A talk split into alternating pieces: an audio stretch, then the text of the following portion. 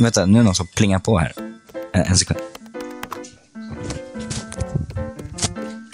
Det verkar vara någon Uber Eats som chansade på tre dörrar samtidigt. Okej. Vill att alla ska komma.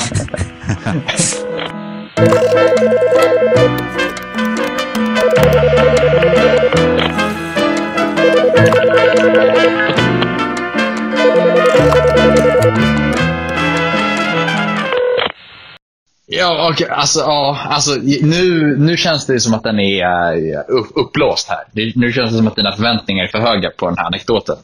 Jag har jättehöga förväntningar.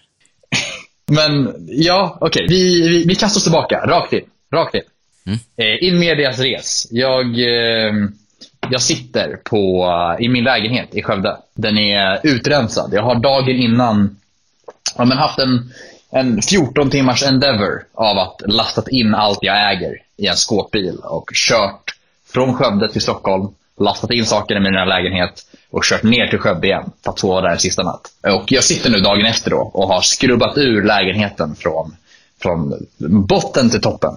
Den är ren. Den är helt ren. Det är squeaking clean. Och, ja, men jag går igenom den här eh, rutinchecken och jag eh, signar ut mig själv. Jag ger nycklarna till henne, eh, den här kvartersvärden. Och så skakar vi hand och jag säger men det här var jag. Det var, det var Skövde det. Och eh, jag går ut ur den här porten. Jag kommer ut i sommarvärmen de sista dagarna i den här böljande hettan som du kommer ihåg. Mm. Eh, det är en fin dag. Och jag kommit på att jag har glömt, eh, jag, har glömt en, en väska uppe i, uppe i hallen. Eh, eller uppe i, på, på våningen jag bor på. Och jag vänder mig om för att gå in igen. Vad var det i den här väskan? Var det liksom... Det var lite, lite saker som jag in- ner till, Stock- upp till Stockholm igen. Det var så här, typ, men, tejp och sånt där som jag hade lämnat för den här utflytten. Fan vad weird att bara tejp i en väska. Ja, det, det var ju lite av en serial killer bag. Med tejp, jag tror det Ja. var sax i den. Och... ja, men, jo, jag, jag tar tag i den här porten igen då. eh, För att vända mig om för att gå in. Och det är en sjuk känsla att ha bott någonstans i tre år. Gått ut och in genom samma jävla port. Och man, har liksom, man har blivit vuxen i det här huset. Och du känner på porten och du kommer inte in. Och du reachar ner i fickan för att ta upp din blipp. Och den är inte där Mm. du är liksom... Jag insåg, eller det, det slår en i ansiktet att man är en främling igen. Jag är bara en gäst. Jag behövde ringa upp till min granne på porttelefonen så att han kunde öppna porten åt mig. Så att jag kunde gå in i mitt eget hus och gå upp till min egen våning för att hämta min väska. Du fick den där insikten lite så för snabbt. Alltså för annars hade du ju åkt till Stockholm och sen så kanske du hade eh, ett år senare åkt tillbaka till Skövde för att hälsa på dina vänner som fortfarande bor kvar där. Ja. Och då, när du skulle in i huset, behövde ringa upp någon. Och Då kanske det hade känts mer naturligt. Men du hade fortfarande fått den tankeställaren. Bara, just det, jag bodde här. Jag kunde gå in och ut som jag ville, men nu, nu kan jag inte det längre. Men du fick då den liksom fem sekunder efter att du hade lämnat. Precis, jag hade ju sovit i den här lägenheten för sex timmar sedan. Och nu kommer jag inte in längre. Jag, är liksom, jag har lika mycket rätt till den här lägenheten som vilken annan person i världen. Så det var, det var, ett, det var ett sorgligt avslut. Jag vinkade av mina kompisar. Liksom. De följde med mig till stationen. Och, ja, men jag satte mig på tåget och började min hemfärd över de här åkerfälten och laddgårdsområdena. Mhm. Ja, som man blir på tåg så blev jag otroligt, otroligt kissnödig. Du vet hur det är. Hur, det, det, det, känns ibland som att man har...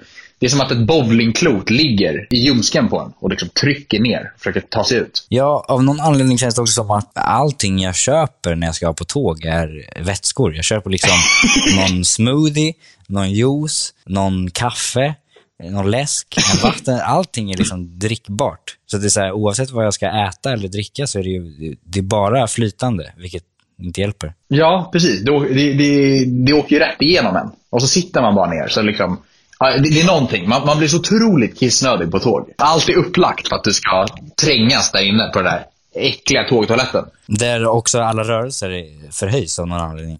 Ja, verkligen. Alltså, det är omöjligt att alltså, stå pissande på tåg. Mm, samtidigt vill man inte sitta ner heller. Nej, så man, man är den som bidrar till problemet. Man är inte jättepricksäker. Nej. Men, men den här gången den här gången så tyckte jag ändå att det här var en, det var en o, ovanligt ren toalett. Jag, liksom, jag öppnade dörren och var så här, men jag, jag, jag, vill, jag vill behålla den här toaletten ren. Jag vill, jag vill vara en bra medresenär. Så jag Jag satte mig ner och kissade.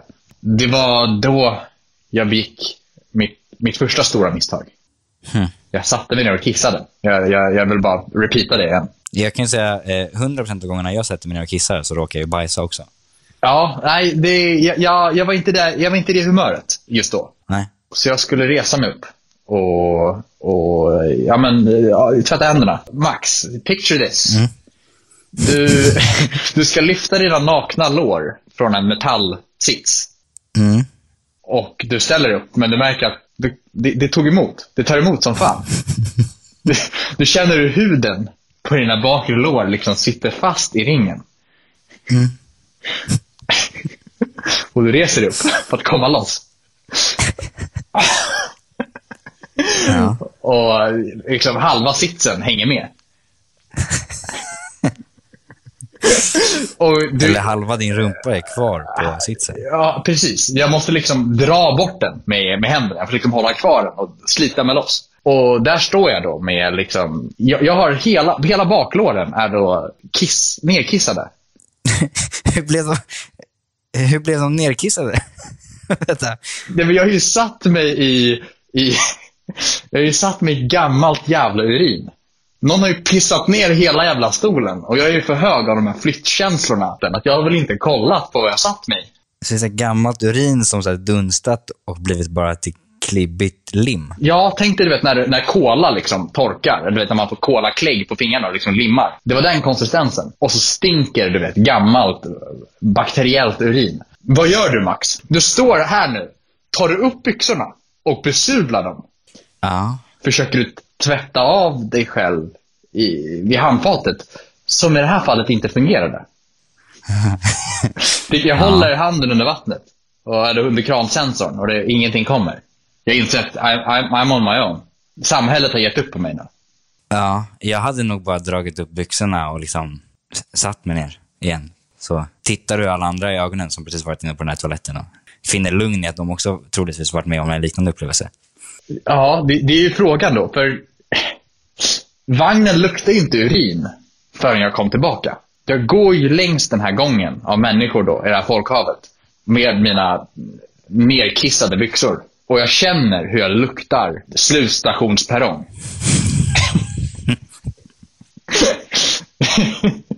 du vet, du vet, du vet när, när vissa människor går förbi dig på tåget och man, man känner lukten av urin och man, liksom, man försöker att inte hålla för näsan. Eller så. Man försöker bara andas genom munnen. Så var jag med mig själv. Och så var också Ja. tjejen som satt bredvid mig på, på tåget. Hon, hon satt och pluggade. Hon, hon höll på med sina sharks. Hon, hon, hon, hon har där Post Malone blastande i sina, sina hörlurar. Och så ser jag hon snegla på mig när jag kommer tillbaka från min toalettbesök. Och jag stinker piss. Ja, vad gör du Max? Jag, jag vet inte, jag hade typ hoppat av på nästa station och gått till lokala centrumet och köpt, gått in på H&M och köpt ett par nya byxor eller något. Jag vet inte, duschat. Det är precis vad jag gör. Ja. ja, det, det, det blir Örebro. Jag kliver av. Jag kliver av Örebro. Jag har, jag har ingen tågbiljett till resten, men jag kliver av Örebro. Jag, jag, jag, kan inte, jag kan inte finna mig i det där scenariot längre. Det, det är för jobbigt. Det är, det är för mycket som händer. Det är ungar som... Pappa, vad, vad är det som luktar? Vad... Ja. Det, det... Jag kliver av Örebro och står där vid min packning. Det måste ha varit en väldigt uttorkad person som kissade där innan. Som hade här supergult kiss. Jaha, det var ju... Precis. Det var ju, de hade kunnat blanda ut det lite, men nej, det var ju überkoncentrat Ja. av människans restprodukter. För vet du, ibland när man, när man ställer sig och kissar och man, så här, man vet att man inte har druckit mycket under dagen eller du vet, så här, man har varit ute eller någonting. Och man bara känner doften. Bara, det här är inte, det här luktar ju så som det luktar när 30 killar har kissat i en liksom, toalett. Men det är bara jag här.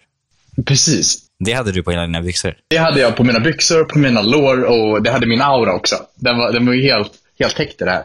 Ja, och då började resan om att jag måste hitta en, en H&M eller någonting och köpa ett par byxor. Mm. någonstans gå in på någon allmän toalett och så här, huka rumpan som på en boudoir över det här handfatet. Försöka tvätta bort resterna av någon annans urin. Ja. Det, det var en otrolig, otrolig resa det här. Du kommer aldrig sätta dig ner på en toalett igen. Jag kommer pissa ner varenda jävla ring jag ser.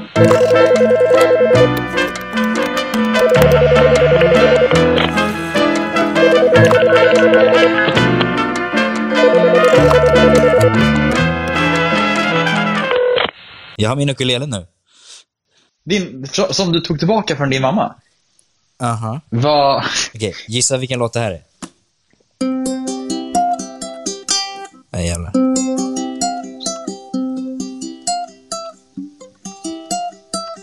Det här är ju Sweet Child of Mine. Yeah buddy! Fuck yeah, Guns N' Roses! There we go. Den låter ju inte alls plastig som många ukuleles görs. Nej, den är fantastisk. Ja, det, det är väldigt fylligt. Jag vet inte om man hör det nu i inspelningen, men uh, den är, jag är förvånad över, över kvaliteten. Mm. Du får testa någon gång. Den är ju liksom, eh, det är ju inte en sån här leksaks-ukulele. Den är ju från Hawaii va? Just det, den är, vad ska man, vad ska man säga, den är traditionell. Det finns ju en story bakom den ukulelen. Eh, den har ju varit i din mammas ägo nu i ett par år. Ja, eller från början så kom den ju från hennes exman. Mm. Eh, brukade jobba med att bygga ihop, snickra ihop de här uh, scenerna som halftime shows på eh, amerikanska fotbollsmatcher har. Mm. Eh, specifikt då en som heter The Pro Bowl. Mm. Som inte är The Super Bowl, utan en annan match som är liksom lite mer en vänskaplig match. De, tar, de, de sätter ihop två pro-lag med alla All-stars. Eh, och så har de en stor halftime show. Okay. Och den var i Hawaii varje år. Eh, så han, han brukade då jobba med att bygga ihop det här. Eh, men det, han, han är ju också en av eh, de, de värsta människorna jag någonsin varit i kontakt med. Va? Han var ganska jo jobbig person. Mot din mamma eller mot dig? Eller mot... Mot samtliga människor han kom i kontakt med. Okej. Okay. Eh, men han var väl... Eh, jag tror vi kom fram till att han var någon slags narcissist med psykopatiska inslag. Och det är det din mamma brukar gå för då? Mm. Hennes vanliga typ? Han, han var ju arbetslös förutom det här då, jobbet han gjorde en gång om året i Hawaii. Så han, han brukar liksom sitta hemma hela dagarna. Och du vet, om man lämnade en smörkniv framme från frukosten man gjorde, så kunde han sitta och stirra på den här smörkniven hela dagen. Och när man till slut kom hem från skolan och det första man gjorde inte var att städa upp smörkniven. Ja. Då var det direkt liksom utskällning. Han, han hade byggt upp en vrede och eh, jag menar, det, det känns ju på något sätt att han ställdes inför, inför en, en, ett vägskäl här. Det är antingen så kan jag bygga upp den här frustrationen och ilskan inom mig själv och smälla av när min, min eh, vad blir det då, styvson kommer hem. Mm -hmm. Eller så kan jag bara på tre sekunder bara föra den här fucking, fucking smörkniven under kranen och bara dra några diskborstdrag på den. Och sen bara fortsätta med mitt liv.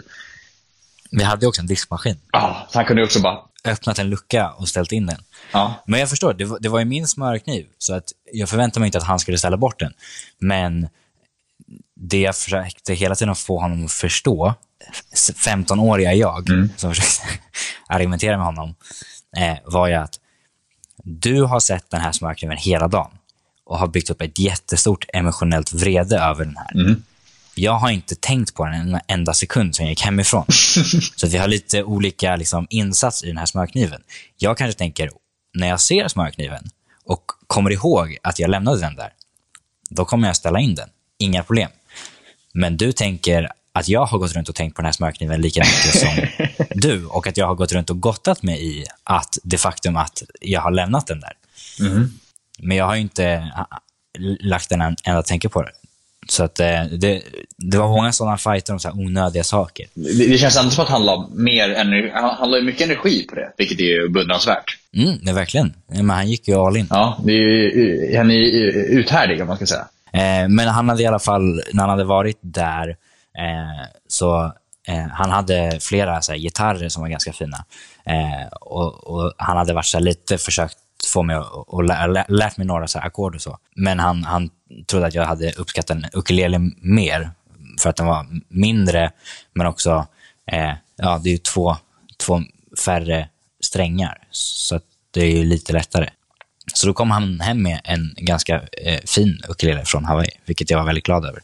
Eh, men sen när jag flyttade hemifrån så eh, behöll min mamma den, för att hon ville lära sig. Och hon frågade om hon fick låna den. Hon sa, jag vill lära mig spela ukulele. Eh, och det har hon försökt göra nu de senaste tre, fyra åren. Hon är en ukulele-beast nu. Hon har ett så här produktionsbolag och... hon, kan, eh, hon, hon, kan dra några drag i några ackord i lite halv, halvt i takt. Ja. Eh, så det är ja, men nästan så att hon liksom kan spela något som nästan skulle låta som en låt. Ja, men det, det, är väl, det är väl typ det man behöver. Alltså om man kollar på liksom, de flesta popartister nu för tiden. Det är väl, det är väl ungefär där det ligger. Ja, precis. Hon är redo att bli någon. Ja. Taylor Swift. Då. Men jag hade supportat din mamma i, i den pursuiten alla dagar i veckan. Alltså. Mm, jag, jag med. Eh, men men eh, det roliga är ju då att jag har ju försökt få tillbaka den här typ varje gång jag varit hemma hos henne de senaste fyra åren. Mm. Eh, Vad menar du med försökt? Hur, hur försöker man bara grabba tag i sin egen ägodel och bara gå hem? Jag sitter med den och säger, jag kommer ta med mig den här hem. Och då blir hon väldigt, väldigt ledsen och nere. Och liksom, ja, det, men det här, det här är ju det enda jag har. Jag, jag har inga andra hobbys förutom den här ukulelen. Och då, du, här, men, liksom, men du har två barn? Ja, precis. Och hon har, en, hon har även fått låna av en annan bekant en den hette något som en, en, en guckelele, något sånt där. Mm. Det var någon slags gitarr-ukulele. En, en ukulele fast med sex eh, strängar. sounds made up. ja, hon, en liten gitarr helt enkelt. Ja. Um, hade hon. Så jag var så här, men spela på den. Hon var så här, men kan inte du köpa en ny ukulele till dig själv? Och då kände jag, kan inte du köpa en ny ukulele till dig själv för att det här är min? Hon gav dig en counteroffer. Alltså hon var så här, okej, okay, men jag, jag hör dig, jag hör ditt logiska argument och jag vet att det är din. Ja. Men kan inte du köpa en ny? Vad sägs om det? Det är... Vad sägs om att du låter mig behålla den här och du köper en ny till dig själv? Ja, då vinner väl alla, eller? Du får, du får en ukulele mm. och jag får behålla den här. Precis. Men så nu till slut så, eh, senaste veckan då har jag varit på henne vi skulle, hon skulle komma över och äta middag och säga bra, då kan du ta med ukulelen. Så, mm. Och sen så släpper jag in henne och hon har ingen ukulele.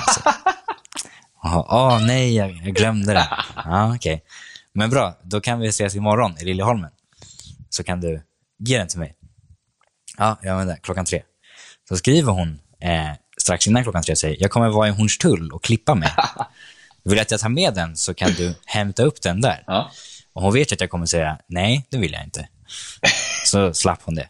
Och sen dagen efter så frågade jag, kan du komma till Liljeholmen idag då? Och sa men eh, hon frågade om mig.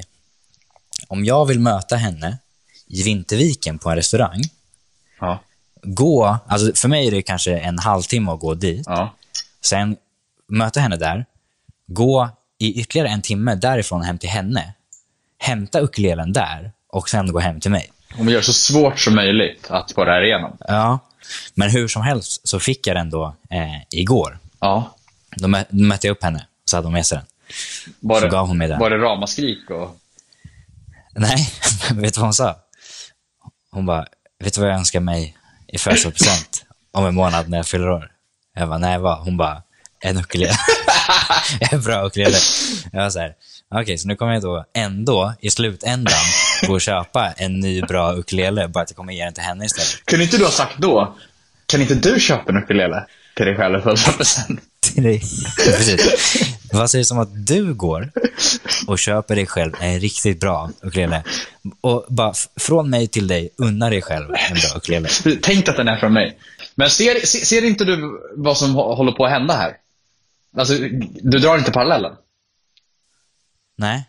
Du håller ju på att bli det här exet. Du håller ju på att bygga upp det här agget nu mot den här ukulele-frustrationen. Och hon går ju inte ja. runt och tänker på det här. Men det gör du.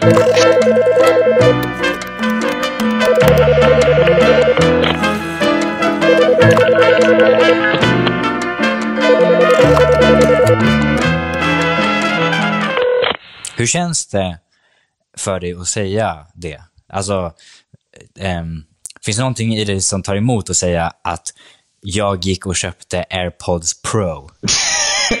alltså, för 48 timmar sedan så tog det emot att tänka, ja, men Ja. nu googlar jag upp en review på de här och ser vad som är bra och vad som är dåligt och vad folk Ja. tycker. Eh, det hade tagit emot, men nu, nu har det, det har slagit över. Alltså för, för den här veckan, det, det finns någon typ av röd tråd här ändå. Eh, det har varit någon typ av ja, men, teknologisk uppvakning. Jag- vet inte hur jag ska förklara det. Jag har varit med om tre stycken separata händelser som bara fått mig att så här, du vet, inse att det är 2020 vi lever i. Ja, det började ju eh, förra onsdagen. Eh, det var, eh, jag, jag hade en diskussion med en vän om liksom vad, vad det var som hade sagts under, liksom, för många, många år sedan eh, i ett bråk som vi hade haft då. Och sömnlöst då, så liksom i, i, jag hade inte tänkt att så här, men det, det, här, det, här, det här har ju loggats. Vi, vi har ju levt i den digitala världen nu i, i över ett decennium. Och eh, allting som vi har sagt online till varandra finns i Messenger, nersparat. Som en, som en gömd skatt som bara ligger och väntar på att bli uppgrävd. Det är farligt. Det är extremt farligt. För jag hade ju fel i det här argumentet. Jag, jag, jag hävdade att jag sa en sak, han hävdade att jag sa en annan sak. Var det du som kom på idén att eh, scrolla bak ett antal år i er konversation för att bevisa att du hade rätt? Nej, det var ju han. Ah.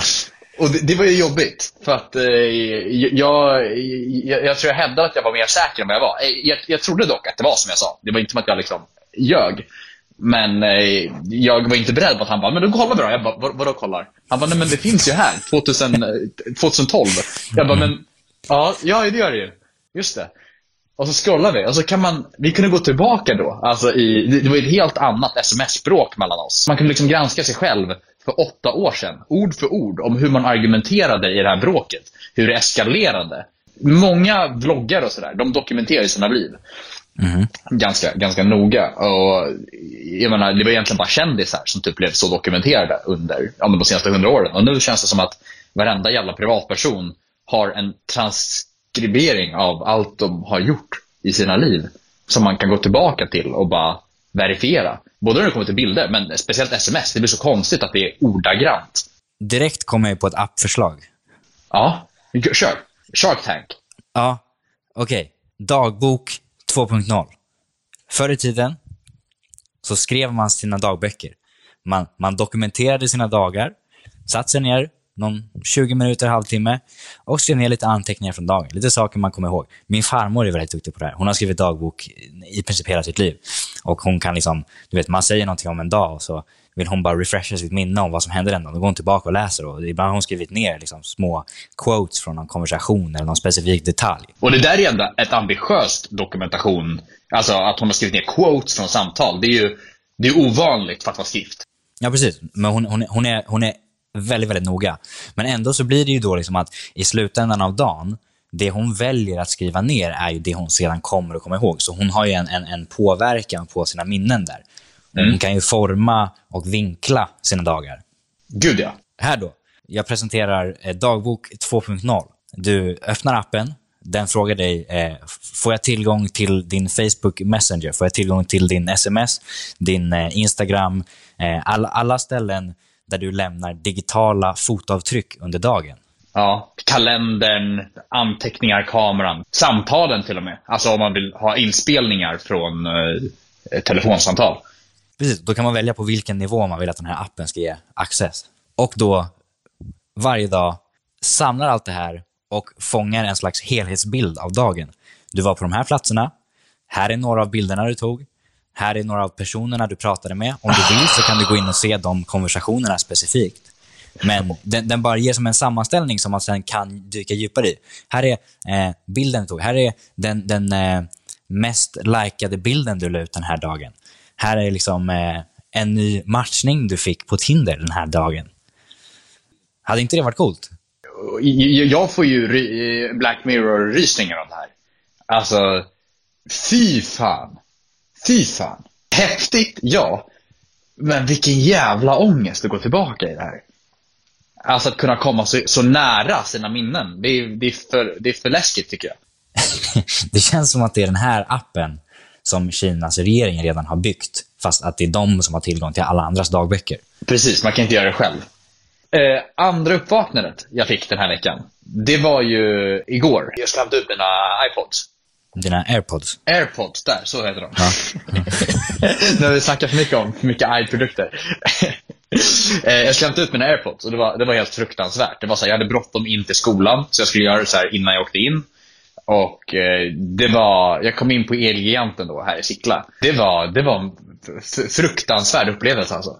Det var, det var en, en, en kö som inte fungerade. För det, det, liksom kösystemet, det fanns kölappar men folk gick fram ändå utan att kön blippade. Så det var så här, jättemånga som bara, vad, är, vad finns den här saken? Kan du hjälpa mig hitta det här? Hur gör man det här? Man vet att ett kösystem på en butik är fruktansvärt dåligt och liksom ointuitivt när inte ens svenskar förstår hur man ska köa. Ja, verkligen. För jag menar, vi, vi vet hur man ska köa. Vi, vi, vi har en instinktiv känsla för när det är en kö till fem kasser, när det är fem köer till fem kasser, när det är nummerlapp, när det är liksom så här, eh, ta tag i någon och fråga. Vi vet. Det, det här finns i vårt DNA. Och när vi inte vet, då vet man ju att den som har designat det här kö, kösystemet är ju bara, har, har, har gjort det för robotar och inte för människor. Ja, men jag vet inte om det var kösystemet i sig. Det var bara att människor inte respekterade det. Så jag tog en lapp, så här, men jag hade 38. Jag kom in när det, var, när det var på 36. Jag tror typ 14 personer fick hjälp innan mig. Mm. Och vissa var så längre. Det var så här, hej jag behöver fixa upp mitt abonnemang. Kan du hjälpa? Han bara, ja, men kolla här i datorn. Man så här, va? Ja. Varför sa du inget?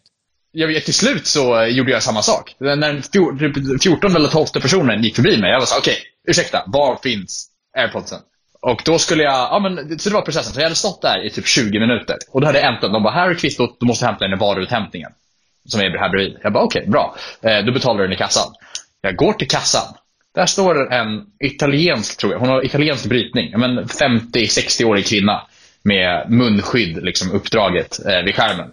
Och hon mm. står med, jag tror det är 6-7 stycken presentkort. Som hon har liksom lagt ut över disken. Och så ser man den här unga kassörskan på andra sidan. Så liksom bara, hon har ju suttit här då. Alltså ett bra tag. Ser, ser, ser, hon, hon har tröttnat för länge sedan. Hon sitter och stirrar på de här korten. Och diskussionen går något i form av liksom, har du tagit 100 på det här kortet? Ja. Bra. Tog du 47 på det här? Ja. Okej, okay, så hur mycket ska jag betala? 3400. Mm. Nej. Nej, 3470. Nej, enligt, alltså, det var så här, det handlade om kronor åt olika håll och det var extremt avancerad betalningsprocess av hur mycket pengar som skulle dras från de olika korten. Ja. Där stod jag i en kvart till. Nu har jag missat de två första tågen till skolan. Jag trodde jag skulle gå in, hämta ett par airpods och bara köpa dem och gå. Nu, nu, nu är jag less. Och till slut då så kommer jag fram till kassan och betalar snabbt och ska gå ner till varuutlämningen. Jag kommer ner dit och där står en kille med en sån här gaming-laptop. En, en, en, en gubbe, 60, mm. 65 kanske, med en gaming-laptop. Och en jätteslö ja, men, varuutlämnarsnubbe då, som lyfter på laddningsladden och kollar på den från olika vinklar. Han, han, mm. han kollar runt på den och han, han, han, frågar så här konstiga standardfrågor som är så här bara hur har ni inte gått igenom det här än? För ni har obviously varit här en stund innan jag kom in. Och ni är den enda personen som är här inne just nu. Ja. Har du stängt av den och satt på den? Ja, har du kollat att du kopplat in den när du ska ladda datorn? Det är så, ja, ja, det är en laddningsladd. Det är, det är därför jag är här. Den, den laddar inte när jag kopplar in den. Aha, då ska vi se. Och så ska så börjar jag knappa på datorn jättelångsamt. Och så jag står där i alla fall i det här, i det här helvetet. Liksom, det börjar byggas upp en kö. Och jag är så här, till slut så exploderar jag. Eller inombords exploderar men utombords ja.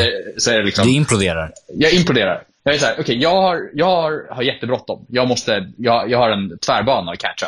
Skulle jag snälla kunna få hämta ut de där airpodsen som ligger där på hyllan bakom dig? Som en varuutlämnare har lagt upp. Ja. Han, kollar, han vänder sig om. Hans ögon träffar de här airpodsen som ligger där. Han kollar på mitt kvitto. Och jag är så här, yes. Ja, bra. Han, han, han, fattar situationen. Han ser min stress. Han ser hur frustrerad jag är. Ja. Och, så, och så låser han ögonen med mig. Och så säger han, men jag hjälper ju den här killen nu. Det här känns ju, alltså, ehm, de flesta butiker i världen står ju inför ett problem med e-handel. Ja. Att, att du kan köpa saker online och med mindre och mindre delay får det levererat hem. Alltså det är liksom, om du beställer apoteksvaror på Apotea på morgonen kan du få det på kvällen. Alltså det är liksom, det, det börjar bli så sjukt korta leveranstider från att beställa online. Och jag bara känner, Samtidigt händer det här.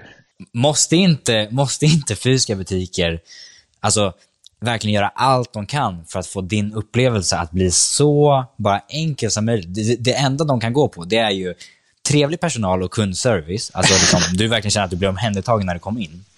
Ja. Och att du ska få, du, ditt problem ska lösas så snabbt och enkelt som möjligt. För att det enda du inte kan få online är personlig hjälp av en person. Eh, och du kan, inte få, du kan inte få varan där och då och efter ett onlinebesök gå ut med varan i handen. Precis. Det är, liksom, det är de två uspanna som en fysisk butik har. Och ändå så sitter du i den här situationen där du är så här, av någon anledning har de delat upp köpprocessen i tre delar. Du måste hitta en säljare som liksom så här, eh, ger dig ett kvitto som du kan köpa. Sen går du och betalar för den här papperslappen. Så ska du ta papperslappen istället där du ska få produkten. Det är helt befängt. Det, är- det, det är ett par airpods. Jag ska inte hämta ut en, en hylla som är 4 gånger 4 meter. Jag ska hämta ut ett, ett airpod-paket. Varför kan inte någon bara ge mig den? Så att jag kan betala för den och bara gå. Men tänk om det var så där när man liksom skulle handla mat. Så här, bara, Okej, jag vill ha en zucchini. Okej, eh, här har du ett zucchini-kvitto. Gå till kassan och betala det. Okej, okej, men nu ska du gå till den här avdelningen där vi har all mat. Eh, där är en till. Alltså, det blir bara så här, var, varför, skulle en, varför skulle man ens försöka bygga en butik på det sättet? Verkligen. Och om det är typ så här, ja men vi kan ha mindre personal, men det funkar ju inte för det kommer in en person med 15% kort och så är man körd. Hur som helst, jag sitter då på tvärbanan på väg in till skolan och med, de här, med det här airpod-paketet. Jag packar upp det. Jag vill bara använda dem direkt. Och eh, jag slår på den här, först den här extremt enkla användarupplevelsen och den här, den här processen av att du bara öppnar casen, den typ parkopplar automatiskt och sen bara sätter i hörlurarna. Och det är som att världen försvinner. Det, jag, jag har aldrig i mitt liv haft provat ens noise cancellation. Jag har hört om det i många år. Och det var som att tunnelbanebruset, de här hundskallen, den här gråtande bebisen längst bort. Mina, mina, mina dödsångesttankar. Allting bara spårades bort. Och bara fylldes av Rage Against the Machine. Och där satt jag. I, i mitt eget vortex. Det kändes som att världen hade stannat. Tänkte du på hur många timmar av ditt liv du spenderat på att trassla upp sladdar för att in ett par hörlurar i ditt liv? Ja, och att ta upp mobilen och så åker, den här, åker en ut och ska du sätta in den och så ska du springa någonstans och så ramlar en ut. Och så. Det, det, det var, användarupplevelsen var otrolig, men, men noise cancellation. Varför har ingen sagt att det här borde vara en mänsklig rättighet? Att kunna stänga av varenda jävla idiot i världen och bara vara för sig själv. Det är helt magiskt. Så där sitter jag. Det var en upplevelse i livet alltså. Att sitta med noise cancellation på en tvärbana för första gången. Sista teknologiska uppvaknandet jag fick, det var idag.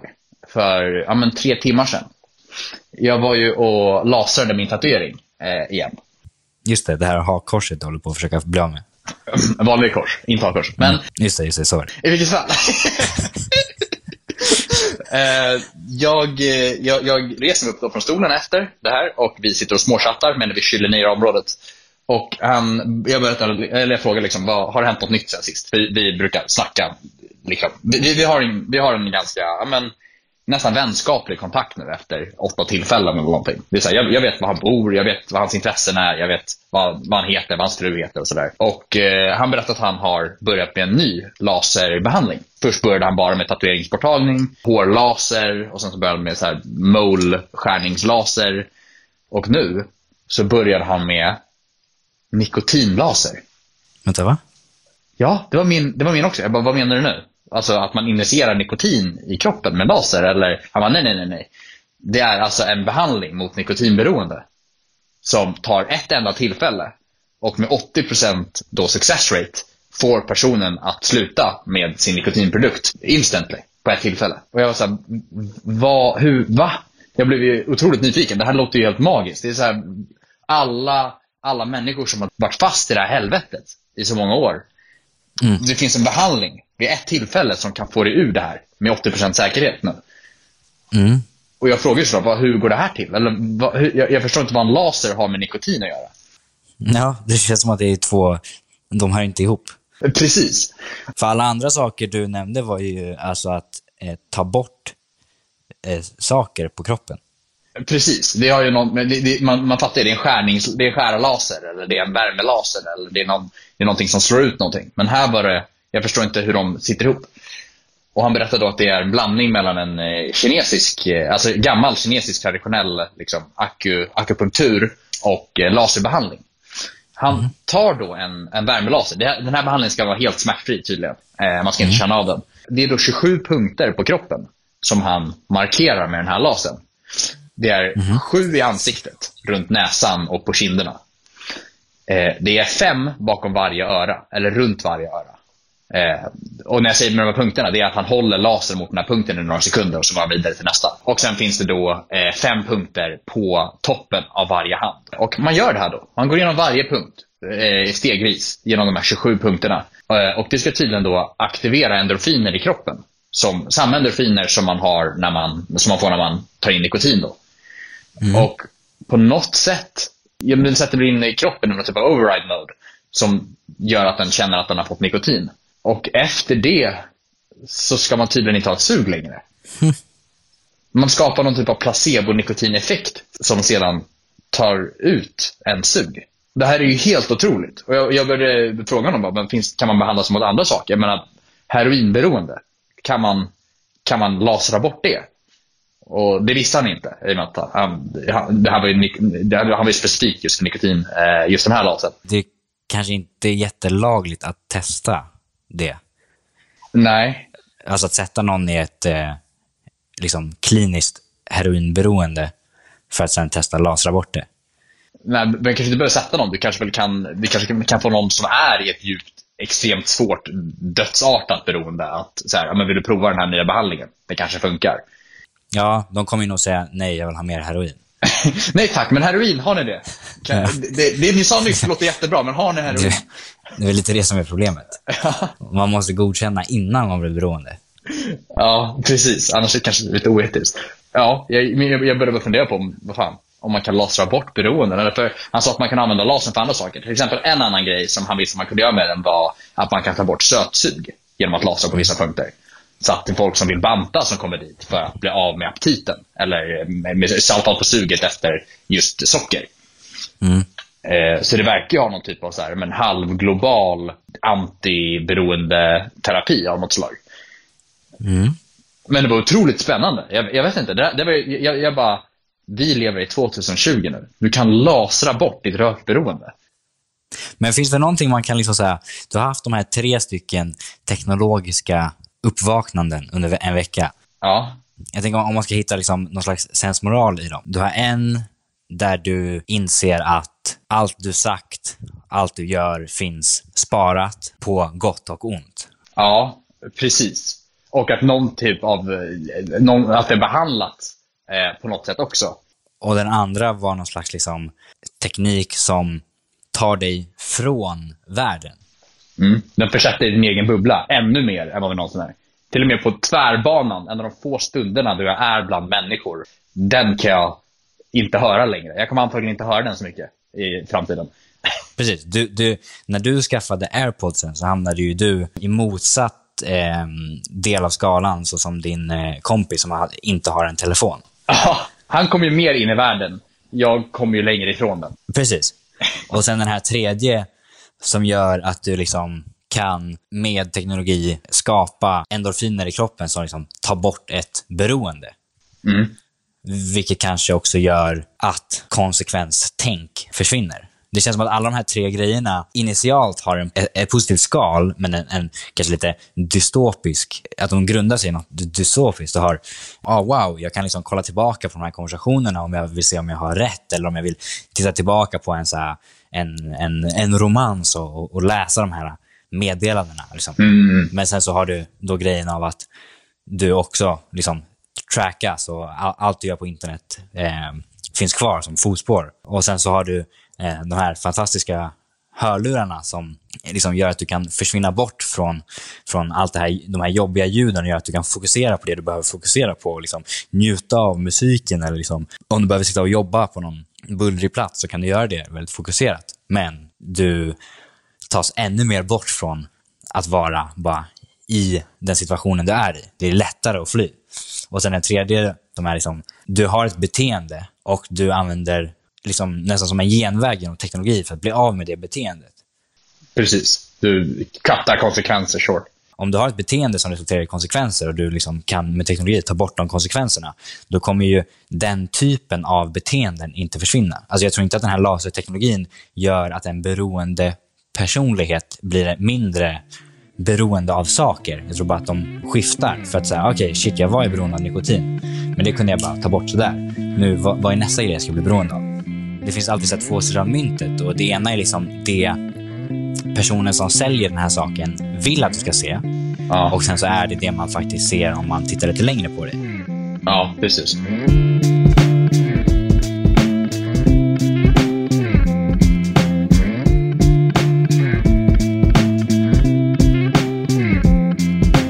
Oh, you must yodel again for me often, now that I know you do it so well.